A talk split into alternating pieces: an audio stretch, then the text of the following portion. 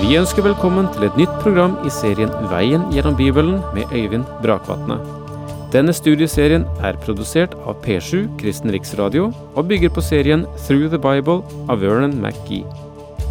I dag fortsetter vi med profeten Mika.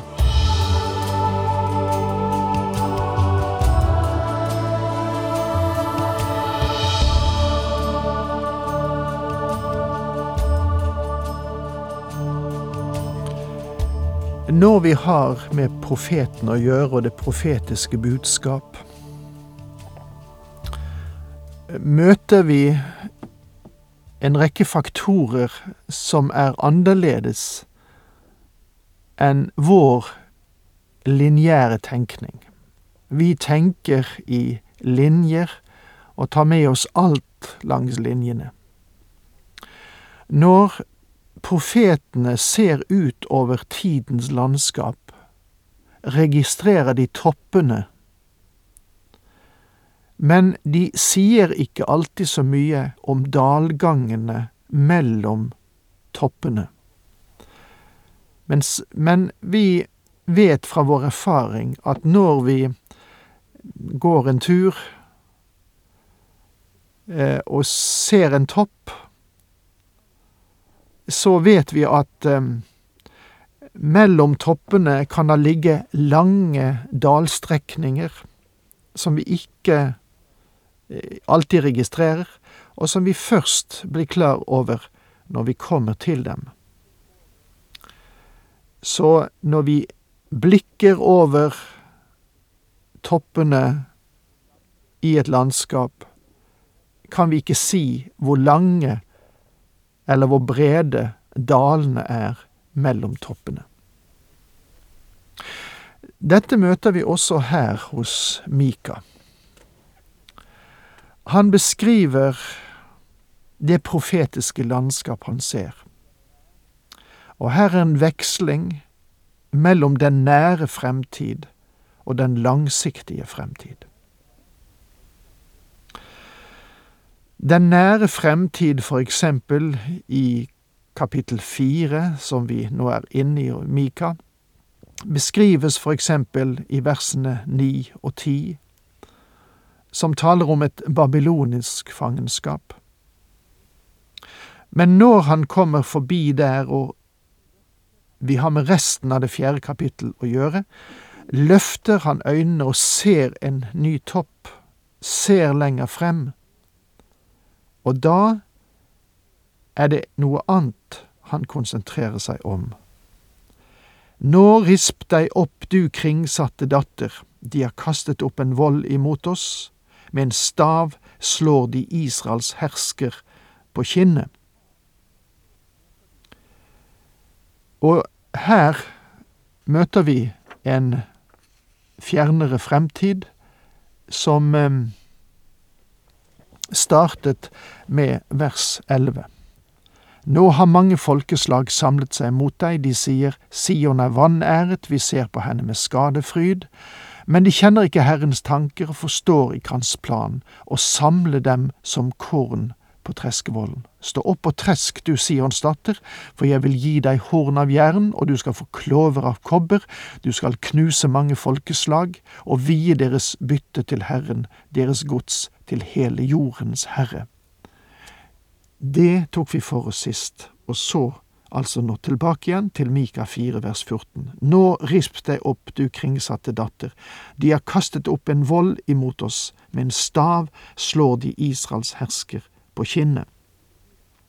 Jeg sa før vi forlot hverandre sist, at en del eh, bibelfortolkere ser på dette som et uttrykk for eh, Messias. Med en stav slår de Israels hersker på kinnet. De, det er altså dem som mener at dette henviser til Jesus Kristus. Men, sa jeg sist, i evangeliet står det at de slo ham med hendene, ikke med en stav. Og Kristus ble heller ikke slått under noen beleiring, og han ble ikke slått av en fremmed fiende, men av sitt eget folk. Og Det tror jeg skulle være tilstrekkelig til å si at det er vanskelig å innordne dette verset, hvis det er tanken på Jesus Kristus. Men før vi forlot hverandre, så sa jeg også at den Israels herre som jeg mener det henviser til her, det er den siste konge i det davidiske kongedømmet, nemlig kong Sidkia. Og i annen kongebok, kapittel 25, vers 7, leser vi Han drepte Sidkias sønner mens faren så på, så stakk han ut øynene på Sidkia, bandt ham med bronselenker og førte ham til Babylon. Og jeg tror at Mika her henviser til den skammelige behandling som Sidkia fikk ved denne tid. Det er en beskrivelse av det som ser ut til å være det endelige nederlag for Davids linje på tronen. Men Sidkia var ikke i Davids direkte etterlinje. Det må du merke deg. Du husker kanskje at Jojakin gjorde opprør mot kongen i Babylon. Han sto mot ham til å begynne med, men så førte Nebukadnesar, babylonerkongen, ham i fangenskap. Og så ble Jojakin satt på tronen. Senere ble han også tatt til fange. I annen kongebok 24 vers 15 leser vi Jojakin førte han som fange til Babylonia. Kongens mor og hans hustruer, hoffmennene og de mektigste menn i landet ble også bortført fra Jerusalem til Babylonia. Det var Davids linjen som ble ført i fangenskap. Og fra denne slektslinje kom både Josef og Maria, Jesu mor. Men så satte Nebukadnesar Sidkia, som var onkel til Jojakin, på tronen i Jerusalem. Da han gjorde opprør mot Nebukadnesar, ble Nebukadnesar trett av å bevare det kongelige overhodet i Jerusalem, så han grep Sidkia, drepte sønnene for øynene på ham og førte ham til fangenskap i Babylon. Og man skulle kanskje tenke seg at ved dette skrekkelige inngrep var Davids linje for alltid borte som en kongelig etterlinje, og at Guds løfte til David om at en av hans ett skulle herske for alltid, aldri ville bli fullbyrdet. Men, ser du, dette fører oss til et helt enestående vers som står i kontrast til alt dette. Og dermed, mine venner, glir vi over fra kapittel fire i Mika-boken til kapittel fem. I kapittel fire møtte vi profetier angående de siste dager. Men her kommer profetien angående Kristi første komme. De versene som åpner dette kapitlet, er en del av julehistorien, og om du ikke møter dette skriftavsnittet akkurat ved juletider, så kanskje du kan synes at det ikke er riktig plassert. Men la meg bare få si som en liten parentes her, at det er ganske sikkert at Jesus ikke ble født den 24. eller 25. desember. Den dagen ble valgt for å forsøke å knytte hans fødsel til vintersolverv, men det er mer sannsynlig at han ble født på våren, for i desember ville hyrdene neppe vært ute på markene med sauene sine. Sauene ble beskyttet i hulene, som du kan finne mange av i dette området.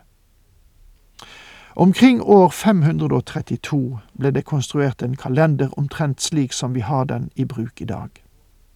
Den ble ikke helt nøyaktig når det gjaldt antall dager i året, og derfor har vi et litt lengre år nå og da. I 1752 ble kalenderen korrigert med elleve dager, og derfor kan vi ikke være sikre på at Jesus Kristus ble født den 24. desember, selv om alle andre omstendigheter skulle passe. Og dette reiser også et spørsmål angående det å holde sabbatsdagen. Hvilken dag er sabbatsdagen? Det er vel egentlig ikke så særlig viktig. Tiden på året er lite viktig. Det er stedet som er viktig. Kristus ble født i Betlehem, og det er det historiske faktum, og dette faktum er blitt bekreftet ved historien. Men du, Betlehem, Efrata, den ringeste blant ættene i Juda, fra deg lar jeg komme en mann som skal være hersker over Israel. Han har sitt opphav i gammel tid, han er fra eldgamle dager. Men er en liten konjunksjon som viser fram til den andre siden av mynten. Men du Betlehem. Altså, på tross av det som hendte med Sidkia og Davids linjen, som ble avbrutt gjennom fangenskap, og som senere vendte tilbake til Israel som jordbrukere, denne ene i Davids linjen skal komme. Men du, Betlehem, Efrata. Siden det var to Betlehem, så ble ordet Efrata, som betyr fruktbar, lagt til for å skille mellom dem.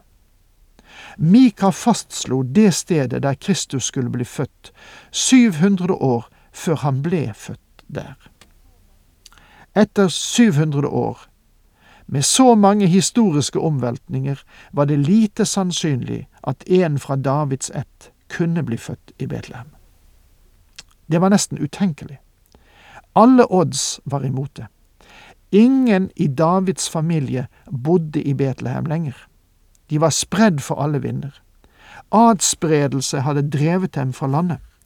Det var ingen fra Davidsetten som bodde i Nasaret, men Betlehem skal likevel være det sted der Guds sønn skal fødes, ifølge Mika. Denne profetien var selve grunnlaget for de skriftlærdes veiledning av de vise menn til Betlehem. De skriftlærde siterte fra profeten Mikas bok fordi de trodde at det var det stedet der han ville bli født. Selv om de ikke trodde det skulle fullbyrdes nettopp da. De omstendighetene som førte fram til Jesu fødsel i Betlehem, er så kjente for oss at vi kanskje ikke alltid innser hvor utrolig enestående de var. Beskrivelsen i Lukasevangeliet gir oss noen av detaljene. Keiser Augustus signerte en skattelov som drev Maria ut av Nasaret. Om dette lille eselet som Maria red på, hadde snublet, og Maria hadde falt av, så ville Jesus mest sannsynlig bli født et sted langs veien. Men, og la meg si dette med forsiktighet, dette lille eselet kunne ikke ha snublet. For 700 år tidligere hadde Mika skrevet at Jesus ville bli født i Betlehem. Og det lille eselet fikk henne dit etter den profetiske tidtabell. Dette var planlagt fra evighet av. Det var mer presist koordinert enn flyrutene vil være i våre dager. Fra deg la jeg komme en mann. Ordene lar jeg komme, eller du kan gjerne si lar jeg komme, indikerer at den som kommer, skal gjøre Faderens vilje og fullføre hans plan. Han har sitt opphav i gammel tid, han er fra eldgamle dager. Hans fødsel, inkarnasjonen, har å gjøre med hans menneskeside. Han kledde seg selv i menneskeskikkelse da han kom til Betlehem, men hans opphav var før hans fødsel. Jesaja, en av Mikas samtidige, bekrefter dette. Se, en jomfru skal bli med barn, hun skal føde en sønn og gi ham navnet Immanuel. Jesaja 7, 14. Og han har mer å si om ham som kommer, men det må vi ta neste gang. Takk for nå. Herren med deg.